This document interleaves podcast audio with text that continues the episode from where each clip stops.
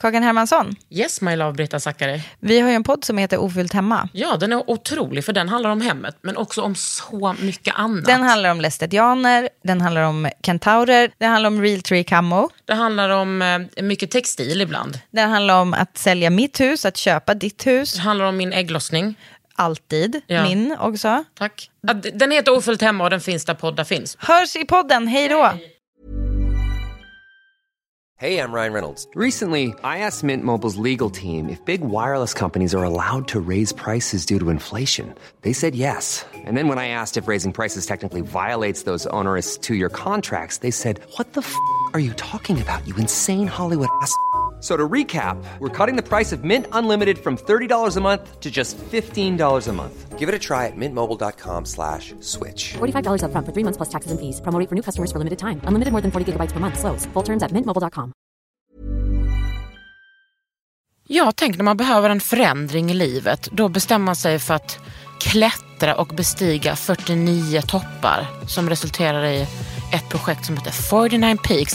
Exakt det har fotografen Emma Svensson gjort. Ska ni få höra lite om det? Väl mött! Det här är en podd från L. Under huden.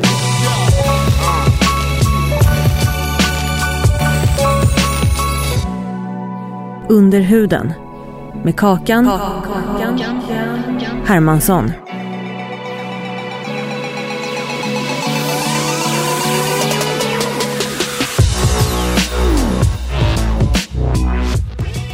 Emma Svensson. Eller Emma Svensson Studio som det också kallas. Nej, jag skojar. Det vet jag inte. Men Nej, men Emma Svensson Studio är liksom det att du har utökat och nu har en hel studio med en stab av Ja fotografer. men precis, ett helt team. Vi jobbar ihop, yes. Det är ju Precis. helt sjukt att du är så framgångsrik. Det är så underbart. Tack. Nej, men, Älskar framgångsrika alltså, kvinnor.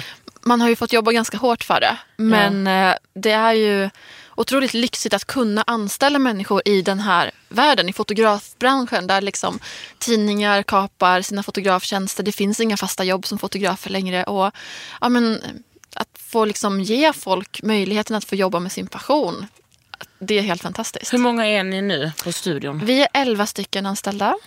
Jag vet, det är crazy. Jag startade för tre år sedan. Då var det liksom jag och min före detta assistent som jag anställde som fotograf. Och sen så har vi jobbat ihjäl oss för att få det här att bli någonting som Wow.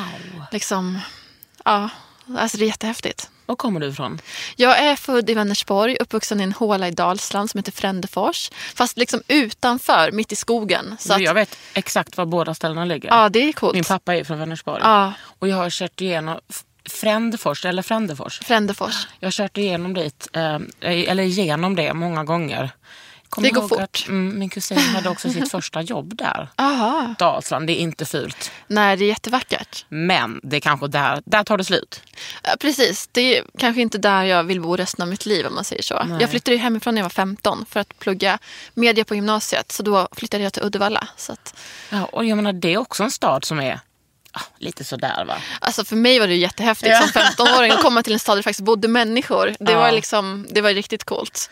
Men ganska snabbt efter gymnasiet så längtade jag ju till något annat och flyttade vidare till Göteborg och sen Stockholm. Och så. Ja. Så att, Men du har inte den där dalsländskan där man pratar lite sådär? Nej, för jag tyckte att man pratade så himla bonnigt där. Så att jag skämdes ju över det när jag flyttade till Uddevalla och skulle börja gymnasiet. Så att jag försökte väl träna på att prata bort min dialekt. Jag märker ju när jag pratar med min familj att de pratar lite annorlunda än vad jag Ja, gör. Mm. att det kommer fram. Och då, då behöver inte ni som lyssnar, som är från landet eller speciellt då från Dalsland, ni behöver inte höra av er och säga att ni är kränkta för att Emma säger detta. För detta är bara hennes åsikt. Exakt. Ibland kommer det in. Ja, jag förstår. Frustrerande. Nej, men jag tycker det är jättecharmigt med dialekter. Mm. Det var bara att som 15-åring så, så, så skämdes jag. Idag så tycker jag det är lite sorgligt att jag inte har kvar min dialekt. Ja, ja, ja fan. med mig har det inte hänt mycket alltså på 15 år. Är det så? Och det kan jag också berätta med mina föräldrar som är västgötar. Där har det hänt, alltså de är såklart avskalade. Mm. Men de är ju, det är ju fortfarande, man hör ju att de, de är inte från Lund direkt. Nej. Utan det är ju liksom, ja visst. Men vi har pratat mycket västgötska hemma. Och min gudfar är ju från Ed i Dalsland. Mm. Okej, så att ja. vi har ju mixat ihop allt möjligt. Ja, det där är ju liksom Västergötland, Dalsland och Värmland ligger mig varmt om hjärtat. Mm. Bohuslän också. Ja. Det är härligt. Och, när du liksom började gymnasiet där, vad hade du för goals med din fotografi då? Då, då ville jag ju bli regissör. För det var ju så allting började. Jag hittade mina föräldrars filmkamera när jag var 11 år gammal och började göra musikvideor. Så mina stackars systrar, de har ju jag har stylat som Spice Girls, Backstreet Boys, The Prodigy, liksom, ja, men under vår uppväxt. Och Finns det kvar? Jag önskar att det fanns kvar, men vårt hus brann ner. Så men att gud, vad allt dramatiskt. Har, det var väldigt dramatiskt. Jag räddade faktiskt livet på mina systrar för mina föräldrar var inte ens hemma. De jobbade natt. Så um, ja, det var, det var en dramatisk natt. Eh, men um, Hellre systrarna än uh, musikvideobanden? ja, faktiskt. Hon tvekar lite, men Nej. absolut. Ja, nej, men det var så det började. Jag ville bli regissör. Um, för jag hade ägnat liksom hela min uppväxt åt att göra filmer och dokusåpor och musikvideor och liksom älskade det. Men så upptäckte jag foto på gymnasiet också och älskade att stå och framkalla i labbet och, och ville såklart hålla på med någonting av det här. Men det är svårt när man kommer från ett sånt liten håla liksom mitt i ingenstans. Man har ingen kontakt med den riktiga branschen. Man vet men inte har inga man... referenser tänker jag. Nej, På- jag kände ju ingen som kände någon någonstans eller sådär. Så att det var svårt att veta hur tar jag det här vidare till verkligheten. Och det blev inte bättre av att mina lärare var lite så här Ja, men det är ingen idé att jobba inom mediebranschen för att man tjänar inga pengar, det är för tuff konkurrens, det finns inga jobb. Och då blev det liksom att jag trodde inte på mig själv. Och jag hade ett extra jobb på McDonalds så jag tänkte ja, jag kan väl satsa på att bli restaurangchef här så länge och se vad som händer sen i livet. Jag kanske ska bli mellanchef på något stort företag. Ja, men du vet, jag hade sådana planer. Det var lustigt för jag hörde i morse på nyheterna att Ja. alltså, det är klart att det fortfarande är så att tjejer väljer alltså, yrkesval mindre efter intresse. Män väljer mer efter intresse. Mm. Kvinnor väljer yrken efter vad de tror att de är kompetenta för och det är alltid under deras Men egna exakt kompetens. så var det för mig också då när jag var yngre. Liksom. För jag visste inte bättre. Uddevalla Step Up alltså. Ja men faktiskt, faktiskt. Men idag är det en helt annan värld. Idag har vi liksom ett större nätverk, vi har sociala medier, världen är annorlunda. Så idag har man mycket mer möjligheter. Liksom. Man kan få tillgång till information, man kan få kontakter på ett helt annat sätt än vad man kunde back then. Man behöver inte vara någon sån övre medelklassbarn Nej. vars föräldrar jobbar i något, på något Nej men precis. hus. Idag har man chansen på ett annat sätt. Ja. Men, men sen förstod du bara, nej det är fan fotograf jag ska bli. Alltså jag tog med min kamera till en spelning med Mando Diao på Sticky Fingers i Göteborg. De hade precis släppt sin första EP, kallat Kent för gamla gubbar i pressen och det var liksom väldigt bass kring dem. Och eh, bestämde mig för att jag skulle fota den här konserten och jag hade aldrig fotat en konsert förut. Faktum är att jag hade inte fotat någonting sedan jag gick ur gymnasiet, vilket var kanske ett halvår tidigare. Eh, min kamera hade bara stått och samlat damm. Så när jag väl stod där så hade jag ingen aning om hur jag gjorde eller någonting. Jag bara, jag tar auto med blixt, det blir jättebra.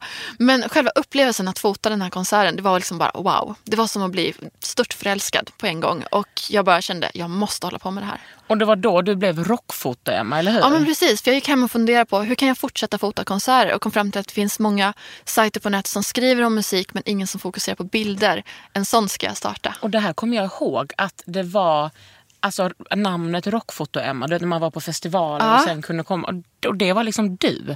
Och nu sitter vi här. Alltså det är så häftigt. Ja, och vad, vad var året då? Det här var 2003 jag startade Rockfoto. Gud vad jag var liten då. Hur, när är du född? 83. Ja, 81 är jag född. Ja, Pluttar. ja jag vet. Jag var Gud, 20 år bara. alltså. Ja. Men kände du att du fick så här snabbt självförtroende?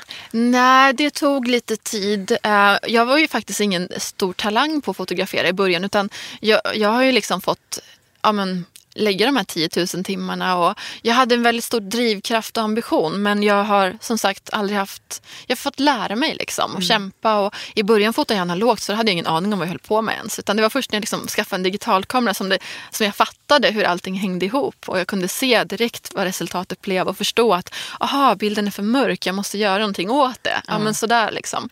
Så att nej, jag tycker att man brottades jättemycket med kreativ ångest i början. Och duger jag? Är jag tillräckligt bra? Kommer jag kunna lyckas med det här? Jag kunde gråta på nätterna och vara deprimerad över det här och liksom känna att det var jättejobbigt. Men någonstans sen, det kanske också var att man blev äldre, men också kanske att man slutade fokusera på bara det tekniska och det man fick lära sig på internetforum var rätt, så att säga. Och istället började jobba mer med andra bitar av fotograferandet som bild och analys och vara en bildförmedlare. Och när man liksom började bry sig mer om det så släppte också mycket av prestationsångesten. Och sen så, som sagt, man blir äldre, man får mer erfarenhet. Man skiter också i. Man, exakt, och det är så himla skönt för idag jag bryr mig inte någonting. Nej. Det är så himla himla härligt att ha den friheten och vara fri från ångest och det här liksom. Bara kunna göra det man vill. Ja, det är så och skönt. Inte liksom bry sig om vad någon tycker egentligen. Nej, för att om man ska vara tjej och bry sig om vad folk tycker på det sättet, då är det liksom lite kört. Ja, jag har ju varit väldigt outspoken när det gäller liksom jämställdhet i fotobranschen över åren och vågat ta den fighten. Men det har också inneburit att man har fått mycket kommentarer tillbaks och mycket hat och folk som har ringt och flåsat i luren och folk som ska trycka ner en och sexistiska kommentarer och sådär. Sök hjälp.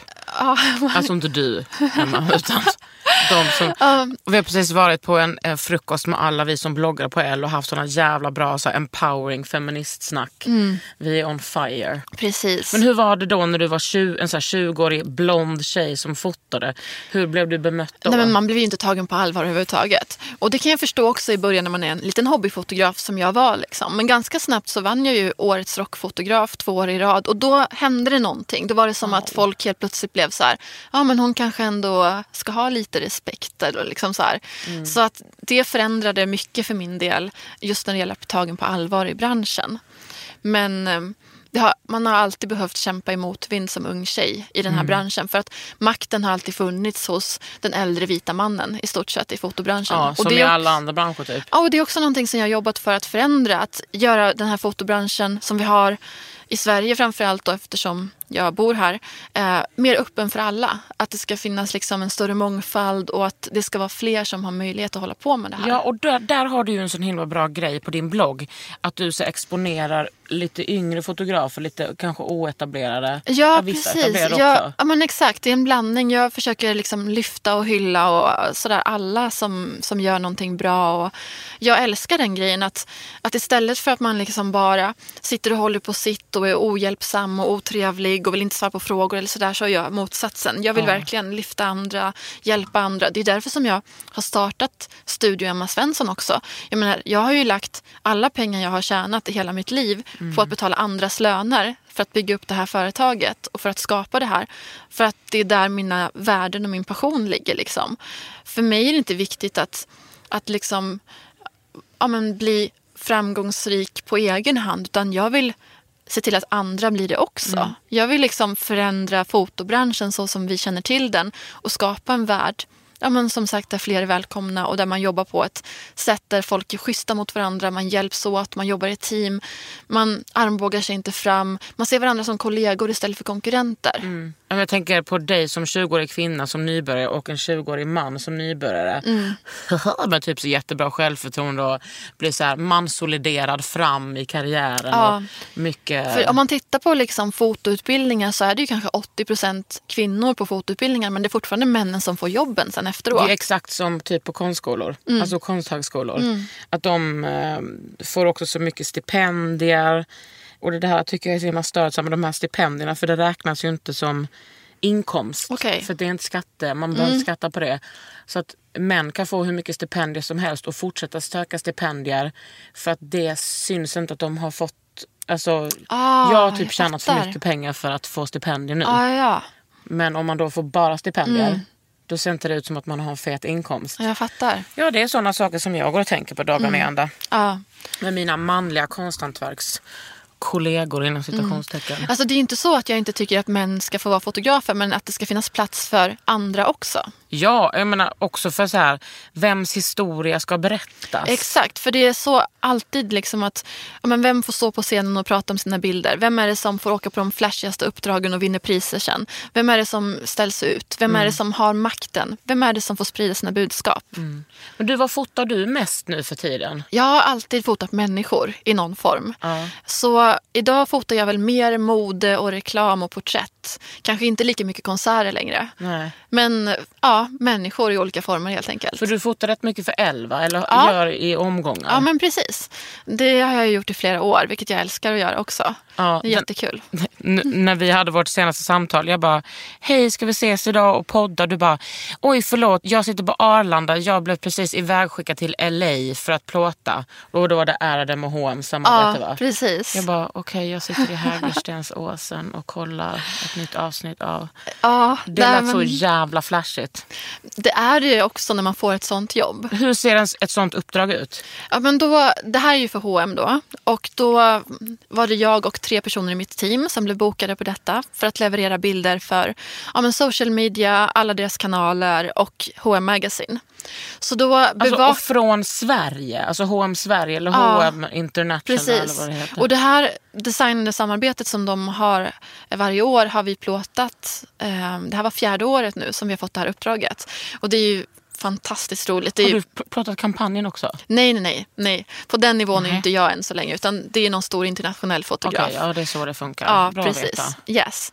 Nej, men så då åker vi till LA allihopa och sen så är vi där dagen innan eventet och gör lite, ja men vi rekar lite lokalen, går igenom, har lite möten och sådär och får en brief av teamet på plats. Vi kanske gör något inför jobb. Jag fotade exempelvis en editorial med en taiwansk influencer eh, på förmiddagen innan eventet i LA. Då. Som är ditflygen för att eh, liksom eh, Gå på rapportera. visningen, Ja. ja. precis exakt. Och göra Ja. det här jobbet liksom då. Och sen så när det är själva eventet på kvällen så fotar vi allt från röda mattan, mingel, visning, backstage, festen efteråt, uppträdandet, hela rubbet. Har du liksom. någon liten badge på dig då, någon sån liten hänge så att folk ser att du är en viktig fotograf?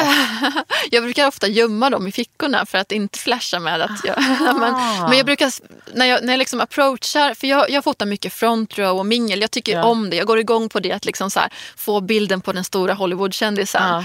Så att eh, vi brukar ju dela upp det så i teamet att Beata hon fotar mycket backstage för hon trivs bra med det. Frida hon gör lite mer rörligt beauty och röda mattan. Jag gillar att fota kändisarna och visningen. Liksom. Så då är det så här att ah, men nu kommer Kate Bosworth och Kate Mara och Kirsten Dunst här. Och så gäller det för mig att få en bild på dem. Och det då. är liksom din goa utmaning? Ja, precis. Ja. Och då, jag, jag tycker inte om den här klassiska röda mattan-fotografer som står och armbågas och som hetsar. Utan jag vill ju ha lite mer cool approach. Liksom. Ja. Så jag går ju fram till de här och så här, introducerar mig själv och berättar att jag fotar för H&M för kvällen. Undrar om jag får ta en bild. Liksom, och försöker liksom vara lite mer ja, men en normal människa. Och det, liksom, äh, än den här hetsiga fotografen som liksom är crazy. Och det kanske också är väl stor skillnad på fotografer som befinner sig i LA. Ja, jag än- skulle säga att eh, det var första gången eventet var i att LA-fotograferna var väldigt mycket trevligare än New York-fotograferna faktiskt. De är De, var mer laid back och chill i LA än vad de brukar vara i New York. Där är det Ah. mycket mer armbåga sig, man är inte schysst mot varandra i New York. Men i LA var folk mer så här, ja men jag tar bilden först, sen kan du ta bilden. Det är så här, bara, what? jag, jag Is blev that jätte- true? That's a shock for me. Ja men det var lite så, men det var också härligt att få uppleva. Ja. Mm. Vilken grej att liksom åka till LA. Jag bara, betalar de hotell? Jag fattar att de betalar hotell. Ja, det gör de. Är det då ett bra hotell?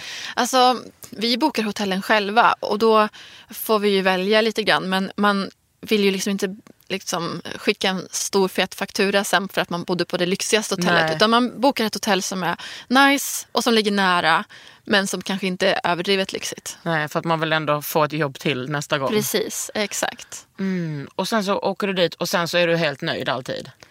Ja, det brukar jag väl oftast vara. Alltså det är ju så himla roligt jobb. Jag älskar att göra de här jobben. Det är jättekul.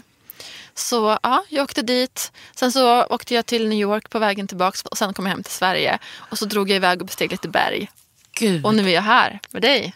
du lever sånt fräckt liv Emma. Men det är ju det som är grejen, att jag passar verkligen på att leva life nu om man säger så. För att eh, det kunde inte jag göra på samma sätt när jag hade en familj Nej. förr i tiden. Utan nu så ser jag verkligen den här tiden i mitt liv som en möjlighet att bara göra allt som jag drömmer om. Så då Ja, gör men jag du det. har ju verkligen gjort det med besked. Vi ska ta det från början. Du gifte dig. Yes, Eh, Frej Larsson vigde er. precis. Bara där borde du ha insett att det här kommer ju inte hålla. Och det var liksom värsta så här, mediebröllopet. Alla mina kompisar var där. Ja, Alltså det fanns inte, du vet man scrollar den kvällen på sin Instagram. Alla var på ett bröllop. Det var, det var en fantastisk helg faktiskt, måste jag säga. Det var jätteroligt. Jag kan verkligen rekommendera att gifta sig. Det var skitkul. Även om det inte slutade så jättebra så, så var själva bröllopet helt Ja, fantastiskt. det är ju skönt att höra. Ja. Klipp till, vad hände sen?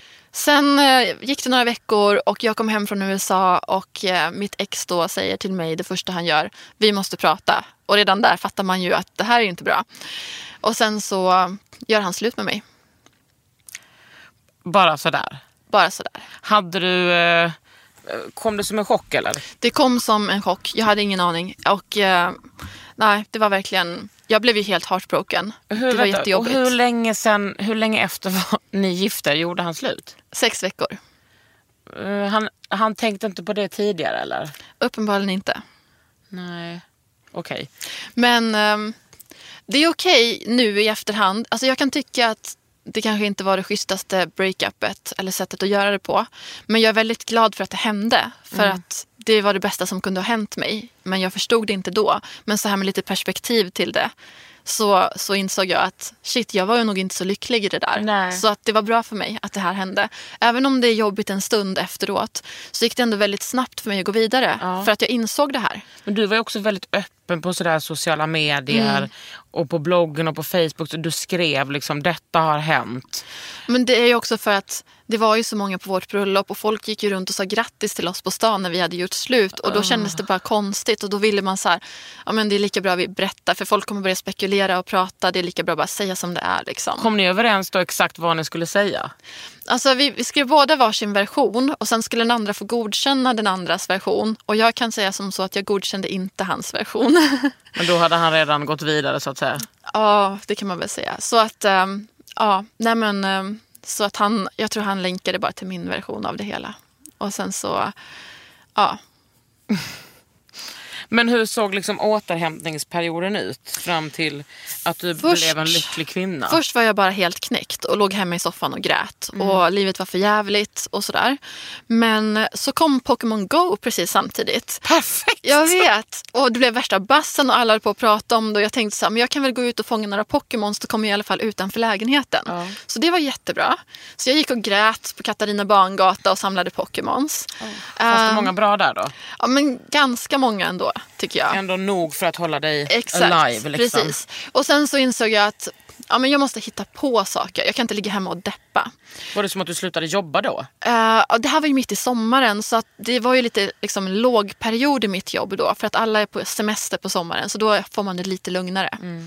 Så jag gjorde några jobb, jag ställde in några jobb vet jag. Jag insåg att jag kan inte bara ligga hemma och deppa ihop. För det var jätteviktigt för mig att jag ville inte bli en bitter person. Jag ville inte vara arg och liksom... Ja, men jag ville så snabbt som möjligt gå vidare bara. För att jag kände mig dåligt behandlad och jag kände som att jag vill bara... eh, ja, men det är inte värt det på något sätt. Så där kände jag. Så jag bestämde mig för att åka till Norge på äventyr. Och det var också tufft. Liksom, att så här, jag grät medan jag liksom, klättrade i berg i Men, Norge. nej, nej, Emma, vi måste gå nu från det här med att du var ledsen, du bestämde dig för att åka till Norge. Någonstans där måste det hända. Varför skulle du åka till Norge?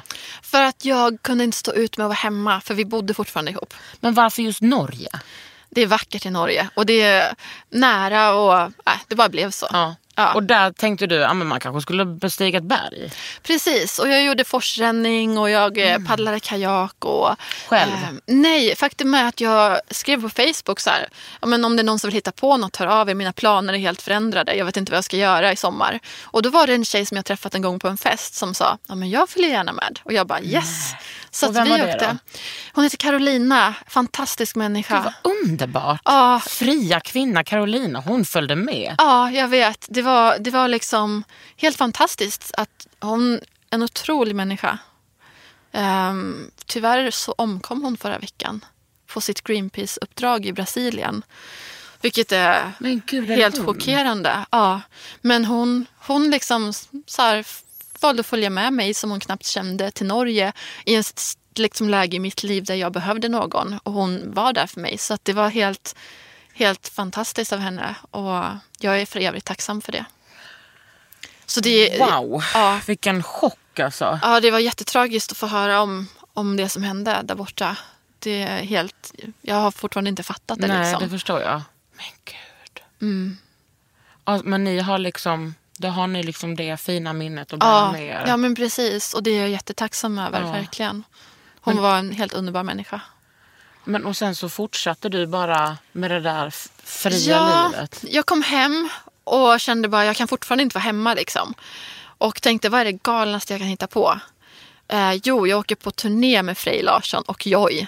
Så det gjorde jag Det gjorde du. i typ tio Du bara, dagar. Frej, det började så bra. Din blessing gav mig allt. Exakt. Jag körde Frejs polisbil mellan olika festivaler i Sverige. Och det hela slutade med att vi spelade in en musikvideo uppe i Norrland i ett hus.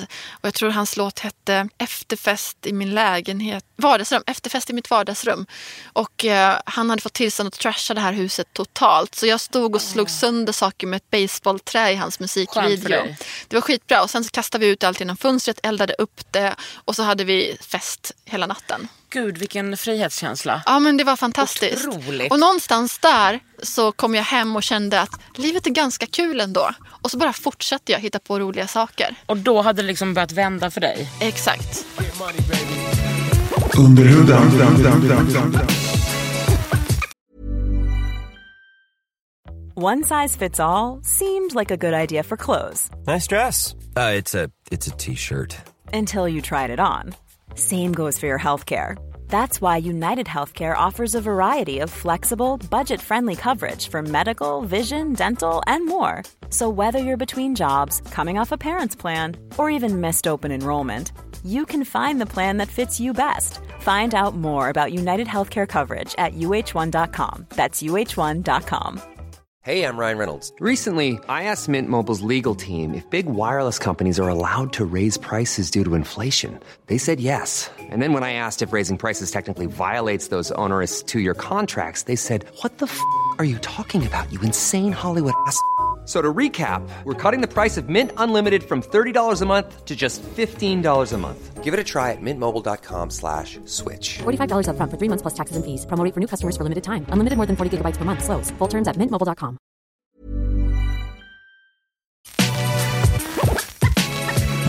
Men sen ingick du i ett, det där projektet som du håller på med nu. 49 Peaks. Ja.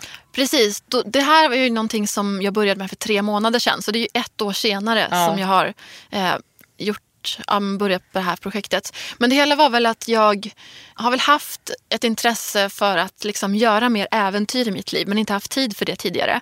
Men sen när man blev singel då hade man ju liksom all tid i världen. Så då tänkte jag att nu måste jag passa på. Så då har jag under ett års tid men varit iväg och bestigit lite berg. Gjort lite så här mountaineeringutbildningar. Och Vad heter det? Mountaineeringutbildningar. Alltså mountain som i berg. Ja, och precis. vad innebär det? Ja, men det innebär, för mi- i mitt fall så åkte jag till Nya Zeeland och så bodde jag uppe i en mountain hut med en guide. Och sen så typ campade vi på en glaciär en natt och så lärde han mig då hur det funkar. Liksom med, ja, men hur gör du om du ramlar av berget? Jo men då ska du så här försöka stoppa dig själv med isyxan. Self-arrest heter det. Och hur går man när det är jättebrant med stegjärn på en glaciär? Och hur, Alltså liksom, jag har så öppen mun nu. hur, hur räddar du dig själv när du ramlat ner i en glaciärspricka? Hur klättrar du upp på repet? Och massa här saker fick jag lära mig. Kände du bara absolut det här ska jag lära mig. Du, du blev inte avskräckt. Nej, tvärtom. Jag Gud, älskade det. Jag bara, fan det här är så badass. Det här vill jag kunna. Och eh, men hela den här grejen, jag har verkligen gått igång på den. Och eh, sen så hade jag anmält mig till att bestiga Elbrus som är Europas högsta berg. Det ligger i Ryssland.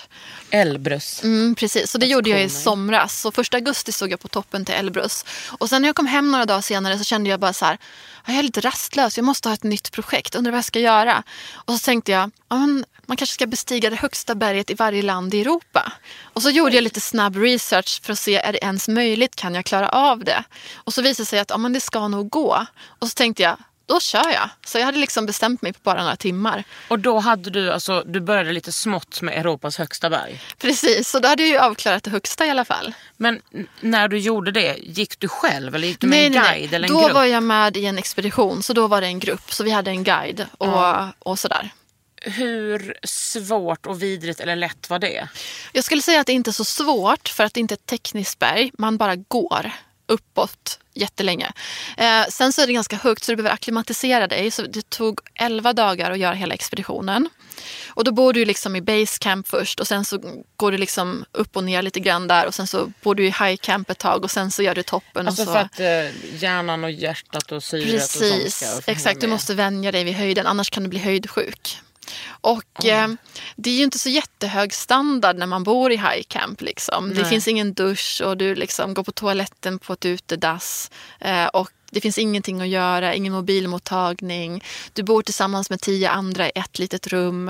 Eh, Och vilken vana hade de andra eh, vandrarna? jag skulle säga att vi var ganska på jämn nivå. Vi hade väl alla gjort någonting innan något berg och gått någon kurs i glaciär, på glaciär och sådär. Så att det behövs ändå om man kanske ska göra ett större berg så som är mycket glaciär att man har gått en kurs innan. Så Och vad betyder glaciär? Är att det är lite is på berget? Ja. en glaciär är ju, ehm, ehm, vad heter det, bestående. Det är ju snö som inte försvinner. eh, Som har blivit packad under många års tid och så rör den på sig. Åh herregud. Ehm, men det är ingenting du märker på Elbrus eh, direkt. Däremot om du åker till Everest eller liknande så finns det ju ett icefall där som verkligen är jättefarligt för att när solen kommer upp och värmer det då börjar det liksom rasa och röra Och det på märker sig. man när man... As Men- you walk. Eh, det kan man göra. Så tanken där är ju att man vill gå så tidigt som möjligt på morgonen innan solen har börjat värma upp Bara det. där, där, bara Men där på- blir det stopp för mig faktiskt. Ja, men på Elbrus så är det inte riktigt, ser det inte riktigt ut på det sättet. Visst, det finns glaciärsprickor på lite olika ställen. Men det är en ganska jämn, tjock glaciär som kanske inte är superfarlig på samma sätt. Är det, hur vanligt är det att man dör? Det händer ju att folk dör på Elbrus. Det dör ju några människor där varje år. Um, hur tänkte du kring det? Nej, men jag kände mig faktiskt inte så rädd för att dö på Elbrus. För att eftersom det inte är så tekniskt svårt så dör man oftast om man blir jättehöjdsjuk eller om man kanske redan har något hjärtfel eller liknande. Alternativt om man kanske skulle fastna på något sätt i en storm eller sådär. Men det är ju det man har guiden till för också. Att den personen ska kunna ta rätt beslut. För den har mycket erfarenhet så att du inte hamnar i en farlig situation där du riskerar att dö.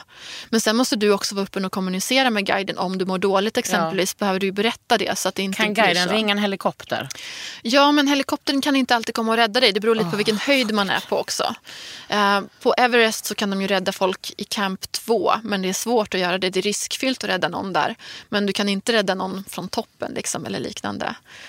Men du har ju en försäkring som täcker helikopterräddning ifall du skulle behöva det. Det var det jag tänkte fråga. Vad ute. kostar det att vara med i ett sånt gäng? Elbrus är inte så jättedyrt. Det kostar kanske med flygbiljetter och allt, allt, allt 30 000 ungefär. Är inte det dyrt? Inte om man jämför med Everest som kostar 850 000. Du driver! Nej, det är så dyrt. Men då är du iväg två månader på en expedition. Och då ingår allt. Så ingår torkad frukt. Men gud, 800, vadå? Ja. Då är det bara rika eller såna med spons som kan göra Jag det. vet, och det är skitsvårt att få spons. För Om det är man ingen in... som ser hans jacka där uppe. Men jag har ju försökt få lite spons nu till 49 Peaks. Ja. Och eh, jag har inte haft jättemycket tid att lägga ner på att jaga sponsorer. Men många vill gärna liksom sponsra med utrustning. Men jag har ju redan köpt all utrustning. Så det jag behöver är ju pengar för att finansiera det. För att det kommer ju kosta skjortan att göra det här projektet. Jag har redan lagt kanske 250 000. Och bara Grönland kommer kosta 200 000. Så någonstans runt 600 000 kommer det landa på. Swisha in till Emma om ni hör det här. Seriöst, alltså, eftersom jag inte hade planerat det utan det var spontant så har jag inte sparat några pengar heller. Nej. Så jag är jättefattig nu, jag är helt pank. Och jag vet inte hur jag ska ha råd med Plus du resten. måste hålla på att köpa ut din kille från er före detta gemensamma lägenhet. Exakt, det också. Pengar så, går. Ja, vi får se hur jag löser det här. Jag måste komma på någonting. Men Åh gud, tänk om du bara kunde få en mecenat som bara pumpar in pengar i det här projektet. Det skulle vara det underbart. hade varit helt fantastiskt. Men okej, så att eh, 49 toppar, hur många har du gjort av dem? Nu har jag gjort 27. Åh, I, helgen. I helgen ska jag göra tre till. Tre på en eh, helg? Ja, men de är inte så jättehöga. Jag kommer göra England, Wales och Ungern. Så, Och hur, då flyger du till England. Precis, så flyger jag till Manchester, så hyr jag en bil och så kör jag till Wales eller Englands högsta berg. Jag har inte bestämt mig riktigt för vilket än. Jag har märkt att man kan inte planera för mycket för att vädret gör att du måste vara flexibel. Okej. Exempelvis var jag ute på en bergsturné nu precis i fyra veckor. Och då hade jag tänkt att börja i Alperna och försöka hinna göra några höga berg där innan det blir för mycket vinter. Men då kom det värsta snöstormen precis när jag var där. Och då kan jag liksom inte stanna kvar där och vänta på att den ska gå över. Utan då fick jag bara direkt köra till Spanien istället. För där var det bra väder. Så man måste verkligen vara flexibel i planeringen. Så att, eh, Sen nu när du åker till England eller Wales, du går inte på topparna själv. jo, jag har bestigit alla berg själv. Förutom de som det har varit guide på. Vilket är Elbrus och Mont Blanc. Och där är det lag på guide eller? Nej, det är inte lag, men om man inte är så erfaren. Jag är ju inte så erfaren än, även om jag har en hel del erfarenhet. Så, så man måste nästan vara två och gå i replag. För att Mont Blanc exempelvis, det finns vissa partier där det är väldigt, väldigt smalt. Det är så här smalt. Nu ser inte du. Det är kanske 30 centimeter. Ja. Det är en god linjal. Och sen så stupar det på sidorna och ramlar du ner så dör du. Har du gjort det? Har du gått där? Jag har gått där. Jag tyckte ju det var jättekul. Jag tycker ju sånt är Men spännande. Emma, ska jag behöva vara orolig för dig nu när du håller på med det här? Nej, men jag tror inte det ändå. För jag har ändå, ja, men eftersom jag är själv så är jag väldigt försiktig. Och Mm. när, jag, när det är svåra berg då har jag en guide. Så nej, du behöver inte vara jätteorolig för mig. Jag känner ändå att Har du föräldrar? jag har föräldrar. Vad känner de inför det här? Min mamma har varit ganska orolig i början men jag tror att hon liksom har vant sig lite. Så att... eh, Säger du till henne, nu åker jag på bergstoppsklättring. Nej, det är mer att hon, ser min, hon följer mig på Instagram så hon ser mina Insta-stories. Och då vet hon att du lever när du har lagt Exakt, upp dem. precis. Och gud, jag tänker, jag tänker lite att jag aldrig hade kunnat göra det mot min mamma. För min mamma skulle typ oroa ihjäl sig. Jag tror hon var mer orolig i början men nu så inser hon att ja, men det här går ändå ganska bra och hon tar inga galna risker och gör inget för dumt. Jag försöker ju hela tiden ja, men verkligen vara jätteförsiktig när jag är själv på bergen. Så att jag Hon ska in... inte följa med då? hon gillar mer att åka till Spanien och sola. Samma här. Mm. Men en intressant sak är ju, vad har hänt med din kropp? Sen du har börjat eh, bestiga berg? Alltså jag har fått sjukt starka ben. Ja. Det är jättehäftigt. Jag kan gå liksom i uppförsbacke i 12 timmar utan att pausa. Och det är rätt coolt att kunna Ja. det. Jag var ju inte lika vältränad när jag gjorde mitt första berg, när jag gjorde Elbrus där. Eh, Det var jättejobbigt och utmattande. Men jag har liksom inte så här tränat ihjäl mig inför det här. För att jag är ju ingen professionell äventyrare. Jag är en vanlig människa. Och det är lite från det perspektivet jag vill göra det här också. Och berätta storyn liksom. En vanlig tjej gö- gör det här. Och visa att det går. Och jag har liksom tänkt hela tiden, jag kommer bli vältränad av att göra det här. Ja, det är lugnt, det, det löser sig. Och det blir man. Om du skulle sammanfatta så här, anledning till varför du gör 49 Peaks Mm. med någon mening, vad skulle du säga då? Från början så trodde jag att det var bara för att jag ville utmana mig själv. Men jag har insett också att det är just att jag vill berätta stories från den här världen från en vanlig kvinnas perspektiv. För de storiesarna får vi knappt höra. För det är lite samma sak som vi pratade om med konstbranschen och fotovärlden. Att det är liksom ja, men, mannens historia, de professionella äventyrarnas historia som, som är den vi får ta del av. Och steget dit upp från en vanlig människa, det är så stort. Det är, liksom, det är ascoolt med de som bestiger K2 och gör liksom skidexpeditioner över Antarktis och sådär.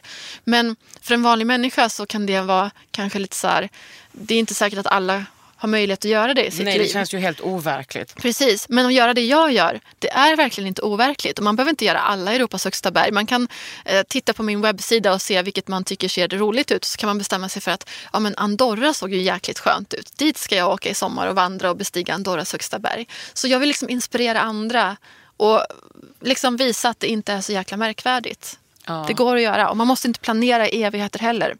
Det är bara att göra det. Ja, det är en jävla bra inställning du har. Jag, jag kommer nog inte hålla på med det, men det är jättekul att du gör och säkert många av mina lyssnare kommer bli peppade. Då kan man gå in på Emma Sven. Alltså är det på din hemsida eller på bloggen? Jag har en speciellt gjord sajt för det här, 49peaks.com. Det är bara att gå in där, knapp knapp och så har hon en fantastisk blogg också.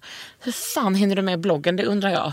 Man får försöka liksom när man har några minuter på hotellet. Och Ja. ställa, liksom, man kan ju förpublicera ibland ja, det också. gör, gör jag mycket. Ja. Men hur eh, mycket fotande blir det när du är där uppe? Det blir mest för dokumentations skull. Mm. Eh, Jag skulle önska att jag hade mer tid. Det är lite intensivt mitt schema. För jag har ju satt en deadline för mig själv. Att göra det på ett år. Och då är det 49 berg plus 10 extra berg. Nej men var fan kom de ifrån då? Det är för att folk kommer säga så här. Ja men Danmark det är ju bara en liten pluttig kulle.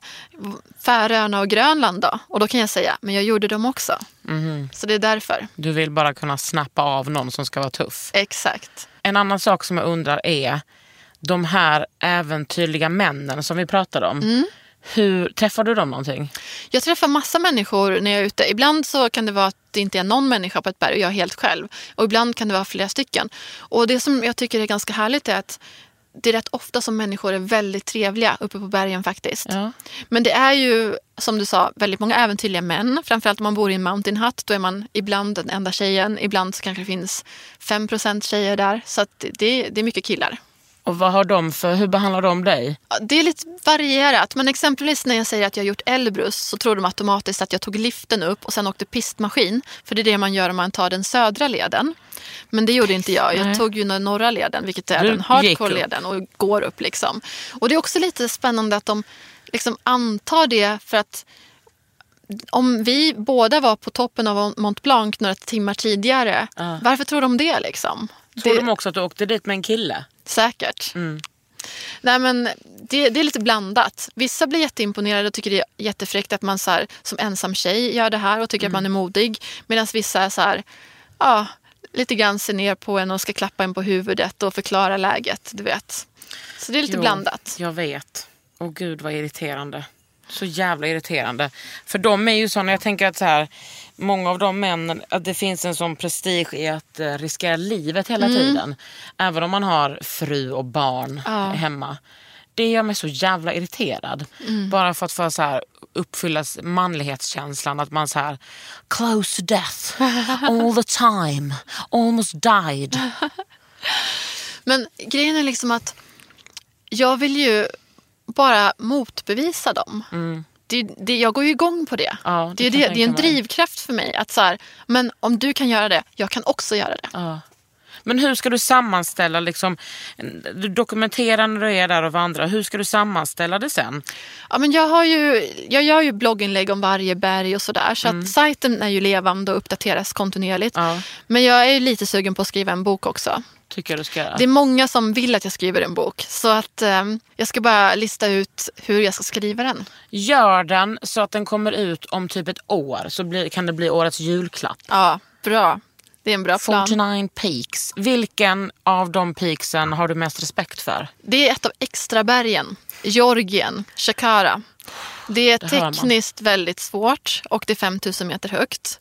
Är det mycket i bergssiffror? Ja, men det är ändå liksom respektfullt. Vad är Elbrus? 5642 och Mont Blanc är 4810.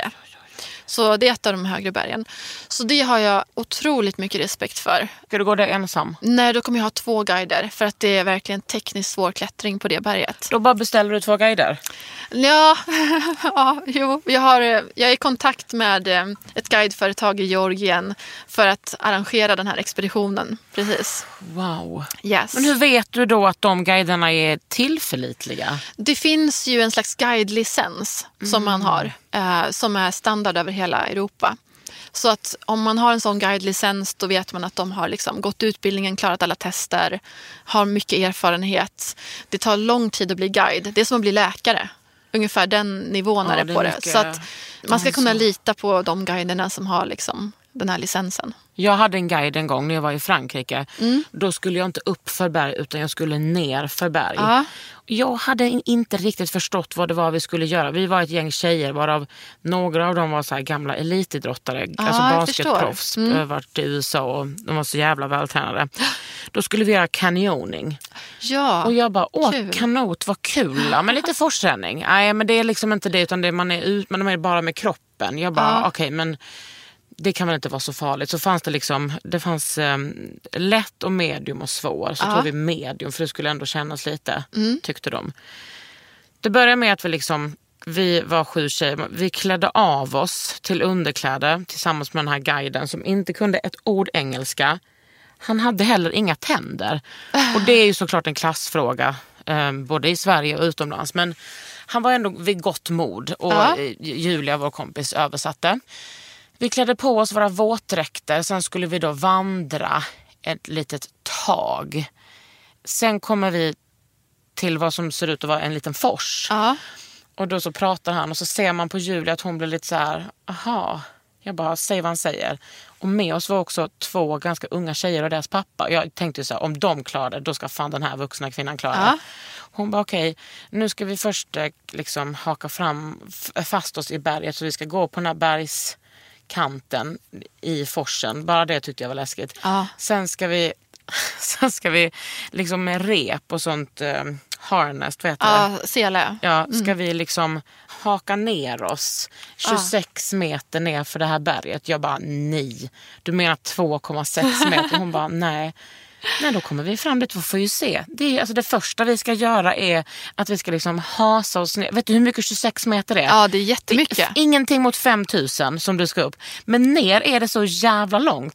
Nej, men jag, jag vet precis hur högt det är. Det... Det är så jävla vidrigt. Nej men det, så, sådär. Sen, Men du gjorde det? Ja, man kan ju inte vända. Grym du Och det var liksom så... eh, Du vet när man tänker så här, okej, ja, men det här kan inte jag göra. Sen bara, okej, jag måste göra det. Men jag var också så himla fokuserad på att eh, jag bara, fan, om, eh, det får inte hända Hanna någonting. För min tjej var med. Jag bara, det måste, det måste gå bra för henne i det här. Så jag var så här, jag vill göra det här först. Jag, vill inte, jag kan inte hålla på och liksom stå och titta. Nej, man svungar ju ner sig där och så höll man i repet så man kunde bestämma hastighet själv. Sen när det var eh, fem meter kvar, då skulle man börja vagga för att man liksom åkte ner som i ett vattenfall. Så skulle man svinga över till ett annat vattenfall och hasa ner sig lite. Sen när det var tre meter kvar skulle man släppa och hoppa rakt ut ner i den här lilla sjön. Oh my god. Oh my God. Alltså jag kan inte förstå. Och sen höll vi på sådär i fyra timmar. Det var inga mer 26 meters men det var det, är det sjukaste jag har gjort. Och hur kändes det efteråt? Eh, coolt. Alltså det är ju en helt ny så känsla. Ja. Det är inte som att typ att ta examen från Konstfack eller vinna något pris eller vara kär utan men det var bara så här, fan jag gjorde det där. Ja. ja, det är häftigt. Man möter ju många, också på expeditioner och liknande, som kanske inte riktigt har självförtroendet men så lyckas de och så ser man hur de växer som människor. Ja. Och, men jag tycker att hela den här grejen har förändrat mitt liv på så många sätt. Jag känner mig fri på ett sätt som jag aldrig har känt förut och jag känner liksom materiella prylar betyder ingenting längre. Nej. Jag är lite inne på så här, ska jag sälja min lägenhet och bo i en van istället? Ska jag bygga en träkoja i Norge? Ja. Men, vet, skaffa ett litet hus på Island? Jag har ingen aning. Antingen har jag fått en livskris eller så har jag hittat meningen med livet. Det kan ju vara samma sak också. ja, det kan det ju. Men känner du att det är genomgående för alla som du träffar som inte är de här eh, äventyrsmännen utan som är lite som du? Nej, det skulle jag inte vilja säga. Vad gör de det för då? Jag vet inte. Jag tror alla människor har sin egen anledning. Men många av bergen som jag gör är ju bara så här, ja, men en söndagspromenad. En ganska lång och ansträngande söndagspromenad. Men man gör det liksom som ett helgnöje. Man åker dit och bestiger ett berg. Och, Och så där är andra som har igen. samma... Jag tror de vill utmana sig själva. De vill få naturupplevelsen. De har vanliga jobb hemma. De vill känna att de gör något äventyrligt. Ja. Sådär. Men hur ser förberedelserna ut för dig? Oavsett om det är något sånt megaberg eller söndagspromenad. Har du liksom rutiner? Nej, inte så mycket rutiner men jag måste göra research innan. Och jag gjorde ju en research innan jag påbörjade projektet. Så jag liksom grundresearchen är gjord. Men inför varje berg måste jag kolla ja, men exakt vart ska jag liksom börja, hur lång tid tar det att köra dit, vart ska jag sova för natten. Så måste man undersöka, finns det något liksom, parti på det här berget som jag behöver förbereda mig extra inför? Det kan vara att det är via Ferrata eller det kanske är... Vad är via ferrata? Det är att eh, man eh, istället för att bara gå så behöver du använda händerna också. Men så finns det liksom stålvajer som du kan säkra fast dig i medan du går. Jag måste erkänna att jag faktiskt inte använt dem för jag har inte tyckt att det varit tillräckligt avancerat för att jag ska Emma, behöva. det här vill inte jag och din mamma höra. Nej, jag förstår det. Men jag bara, försöker bara säga att det är inte så dramatiskt som det låter. Nej. Men om man känner sig lite otrygg och osäker på scrambling, alltså klättr- lättare klättring, Mm. då kan man liksom säkra fast sig i de här stålvajerserna. Och de är också ganska bra att ha när man ska gå ner sen, för då går det mycket snabbare att gå ner om man håller sig i dem. Och sådär. Mm. Så det är som ett extra handtag när du är uppe på berget helt enkelt. Och vad packar du ner för mat? Inte så- Erkänn mycket torkad frukt. Ah, inte så jättemycket är mer bars. Ja, Eh, bars. Ja, bars, choklad, godis, eh, snacks. Ja, Det- man har det riktigt skönt. Ja, fast Det är- man blir också ganska trött på den maten efter typ tre veckor. Östra Europa, på bensinmackorna där jag fick köpa allt jag åt, de säljer ju inte ens mackor där. Så att eh, jag fick äta chips och snacks och kakor i tre veckor. Lärde du dig någonting av det? Alltså jag mådde så dåligt. Min kropp cravar fortfarande riktig mat sen dess. En god pasta? Åh, gud ja. Men tänkte du bara, men nästa gång kanske jag ska ta med mig någonting? Ja, men jag ska ta med mig lite frystorkad mat som jag kan liksom laga. Men samtidigt vill jag inte ha med mig gas och sådana saker på berget för att jag kommer ändå inte hinna stanna och laga till maten och koka vatten och sånt på berget för att det när det är bara en dagstur då går jag bara upp och sen så går jag bara ner och så stannar jag inte på vägen utan då äter jag, går jag och äter samtidigt så det behövs bara lite snacks. Liksom. Men när man väl kommit ner då vill man ju gärna ha en riktig middag. Ja, det förstår jag. En annan sak undrar jag, vad har du på dig? Ja, men då har jag ju eh, lite olika beroende på vad det är för väder. Men det är bra att ha bra skor. För att jag har testat, jag hade något berg som var så här, "Ah, men det här är jättelätt, jag ska bara ha sneakers på mig. Så kan jag kanske springa ner, hade jag någon idé om. Men så är det ändå liksom lite dålig terräng och lite stenar och om man slår i foten i en sten så gör det jäkligt ont liksom. Så vandringsskor, kängor har jag på mig alltid. Och sen så har jag ett par eh, tights, vandringstights, softshell som är liksom förstärkta på knän. Och, Gud vad skönt. ja, men, de är fantastiska. Får man eh, hylla fjällräven för de här tightsen? Hylla på, det är inte Ja, SVT. nej precis. Ja, men de kommer från fjällräven. Men också eh, Fjällräven, skicka några extra par till Emma. Ja, jättegärna. För de, mina är ganska utslitna nu för jag har haft dem på varenda berg för jag älskar dem så mycket. Precis. Eh, sen så upp till så har jag ofta någon tröja i ull. ull Har du en bra eh, topp? Ja, bra absolut. sport-BH? Yes. Jättebra. Och ullmaterial är ju bra för att det värmer ju även fast det blir blött. Till skillnad från bomull. Där kommer du liksom bli kall om du har, har på dig bomullskläder. Så det ska du undvika. Och sen så har jag en tunn dunjacka och så har jag en Gore-Tex-jacka som skyddar mot vind och regn.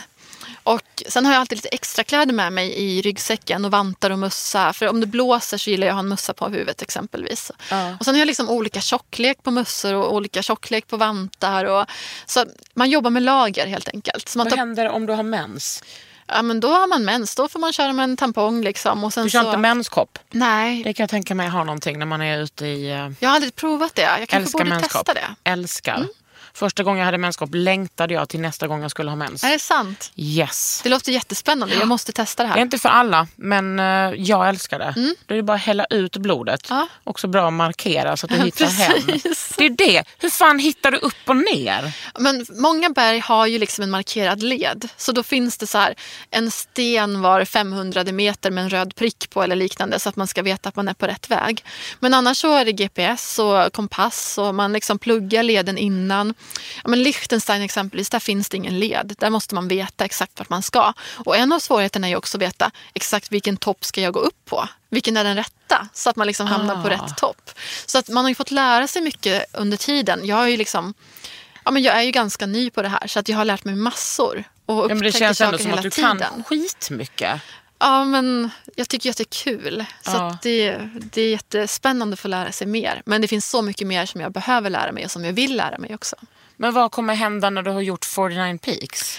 Då kommer jag väl förmodligen eh, satsa på att göra mer tekniskt svåra berg och eh, vackra berg och planera så jag har mer tid också när jag är på bergen för att nu är det lite intensivt. Jag hinner inte riktigt njuta så mycket.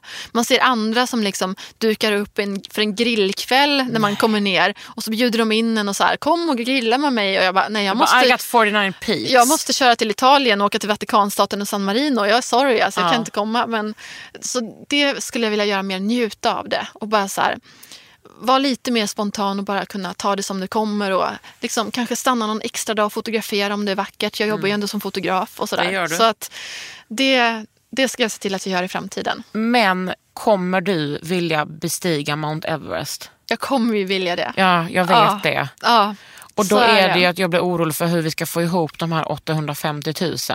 Ja, gud, jag vill inte ens tänka på det just nu. Nej, men jag tänker att nu har du ändå fått lite uppmärksamhet. Du har varit med på morgonpasset, du har varit med i den här otroliga podden som jag har. Exakt. Folk har skrivit om dig. Ja.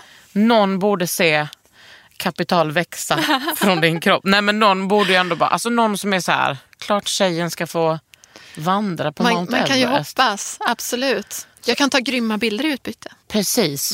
Och du, kan inte du berätta om det? Vi satt ju på vår L-frukost och berättade om, eller delade med oss av erfarenheter av hur män alltid ska komma på olika sätt att kränka en. Ja, Ett exempel är att jag ofta träffar på äldre män som känner igen mig från någonting och sen så kommer de på, ja ah, men du har varit med på På spåret med din pappa och sen så säger de direkt, ja ah, ni var ju inte så bra. Eh, jo men vi var rätt bra, men det var, vi förlorade med någon poäng mot Mm. eh, vinnarna två år i rad. Det är ofta män ska hitta sätt att eh, kränka liksom, Ja. för att känna makt. Precis. Och det, det hände ju dig nu när någon hade gjort en intervju med dig. Ja, vet du vad? Jag tycker bara för skojs skull att vi ska gå in och kolla på de Vi ska kommentarerna. läsa det. Det här är alltså en dansk, Danmarks största dagstidning gjorde en intervju om det här projektet 49 Peaks. Mm, Danmark, vi, redan där är vi ute på Mm. blöt och hal is. Jag ska googla fram det här bara. För då undrar man ju liksom hur störigt kan det vara att en ung tjej bestiger 49 toppar? Nej men det kan tydligen vara fruktansvärt Ja, enerverande. precis. Här ska vi se, visa kommentarer. Ja men då är kommentarer, alltså de har ju skrivit då en artikel om att jag ska göra det här och försökt framställa mig som en cool tjej som Ja. gör det här. Och då har vi några män här som har kommenterat. Um, ha, hon kommer aldrig kunna ta sig till toppen på Olympus på Cypern för de har nämligen byggt en radiostation där. Och dessutom är det närmare att ta vägen till toppen än att gå runt i massa lösa skärvor. Men igen, kvinnor, alltid ska de göra det svårt för sig själva. Sant. Gud vad vi har, Ja, vad sen har vi vi Sören. Jakobsen här, en annan Sören dansk. Jakobsen. Ja, så länge hon är hemma och har maten klar var- varje kväll klockan sex så eh, Då är han nöjd. ja, då är han nöjd. Är det maten till honom då eller undrar vem han menar? Ja, men precis. Ja. Mm. Eh, och han, han skriver också att han inte förstår hur jag kan göra det här. Och sen så skriver Peter K att jag är en mycket dålig kone. Ja, den är bäst tycker jag. Du är en väldigt dålig kvinna. Ja, precis. Nej, en då- kone betyder ju fru. Ja, Eller? Ja, men något sånt. En Ja. dålig fru. Ja. Det är du extremt dålig fru för du är frånskild. Exakt. Mm. Och sen så här har vi någon annan som inte har angett sitt eget namn men han skriver så här. Men hon vill icke själv bestigas. Där har vi det. Du ska sexualiseras också för att nå höjden. Ja, höjden sa jag. Att bli kränkt. Ja. Mm. Precis. Och här har vi en annan kille som heter John som skriver att ja, men kan ingen berätta för en att Grönland geografiskt sett är en del av Nordamerika så kan tösen spara 150 000. Tack för alla tips. Alla danska män. Säkert Exakt. några eh, svenska män som... Det finns massa fler kommentarer av den karaktären men Ja. ja. det är sånt man får, får ta som kvinna, har fått göra hela livet. Ja. Men precis som du, jag bryr mig inte. De kan inte komma åt mig med de här kommentarerna. Och om jag kan liksom på något sätt bana väg för andra tjejer så gör jag gärna det och då tar jag den här skiten Ja. för deras skull. För att det är samma som i fotovärlden som vi pratade om tidigare. Att många tjejer hör av sig till mig och säger att du är så modig som vågar säga din åsikt, som vågar liksom, ja, men just det, bana väg för oss andra. Och jag är inte lika modig själv men jag blir inspirerad och jättetacksam över att du gör det. Och det tar man åt sig av. Ja, och där har du ju planterat ett frö. Ja, så precis. det där kommer ju blomma Exakt, upp så det, snart. Mm. Men det, det har det börjat göra. Och till och med hos män också. Så alla män är ju inte, har ju inte de här åsikterna Nej. som de här danska personerna som kommenterade exempelvis. Tack gode gud för det. Utan idag så tycker jag att det är många fler som står upp för mångfald, jämställdhet och det är liksom mycket bättre idag än vad det var för några år Mm. sedan bara. Men det finns fortfarande massor kvar att jobba på. Ja, och det gör du på den där bergstoppen. Hur många hade du kvar nu sa du? För 49 Peaks så är det ju då, jag har gjort 27. Så då är det 23 kvar. Och sen så de här 10 extra bergen. Men då får ni tänka, ni som lyssnar, att vissa av de här är bara små söndagspromenader. Ja men alltså Malta eller Danmark, det är så här 150 meter. Alltså du sa bilen och sen, ja, fast Danmark var ändå ett äventyr. För att jag kom in på någon bondes privata mark och så var det på baksidan av en laggård och så skrämde jag massa kor. Och det var mitt i Och natten. det hade jag velat se. Och jag hade liksom ingen ficklampa med mig utan jag hade bara mobilen och lyste Varför med. gjorde du det på natten Emma? För att ehm, ja, mitt flyg landade ganska sent så skulle man köra några timmar så hann det bli mörkt för att det är ganska sent på hösten så att det liksom inte är ljust längre på kvällen. Och, Du, ja, men det gör jag ja, men jag klampade runt i lera och blev, mina skor blev helt förstörda och jag typ Spons på nya skor Vad- behövs också.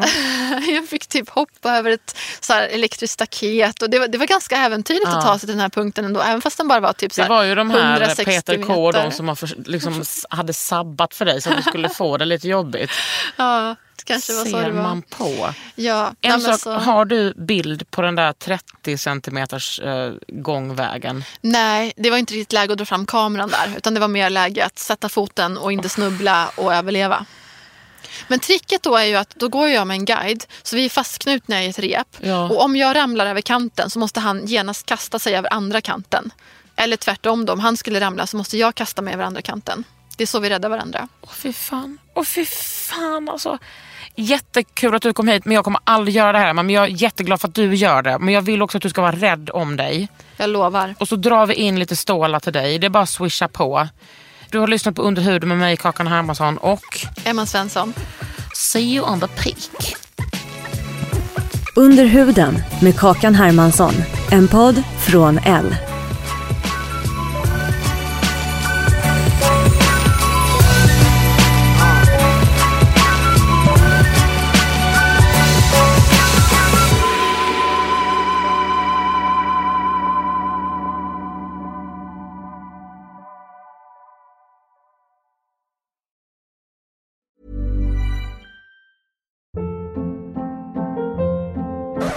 Up. What was that? Boring. No flavor. That was as bad as those leftovers you ate all week. Kiki Palmer here, and it's time to say hello to something fresh and guilt-free. Hello Fresh. Jazz up dinner with pecan-crusted chicken or garlic butter shrimp scampi. Now that's music to my mouth. Hello Fresh. Let's get this dinner party started. Discover all the delicious possibilities at hellofresh.com. Mom deserves the best, and there's no better place to shop for Mother's Day than Whole Foods Market. They're your destination for unbeatable savings, from premium gifts to show-stopping flowers and irresistible desserts. Start by saving 33% with Prime on all body care and candles. Then get a 15-stem bunch of tulips for just $9.99 each with Prime. Round out Mom's menu with festive rosé, irresistible berry chantilly cake, and more special treats. Come celebrate Mother's Day at Whole Foods Market.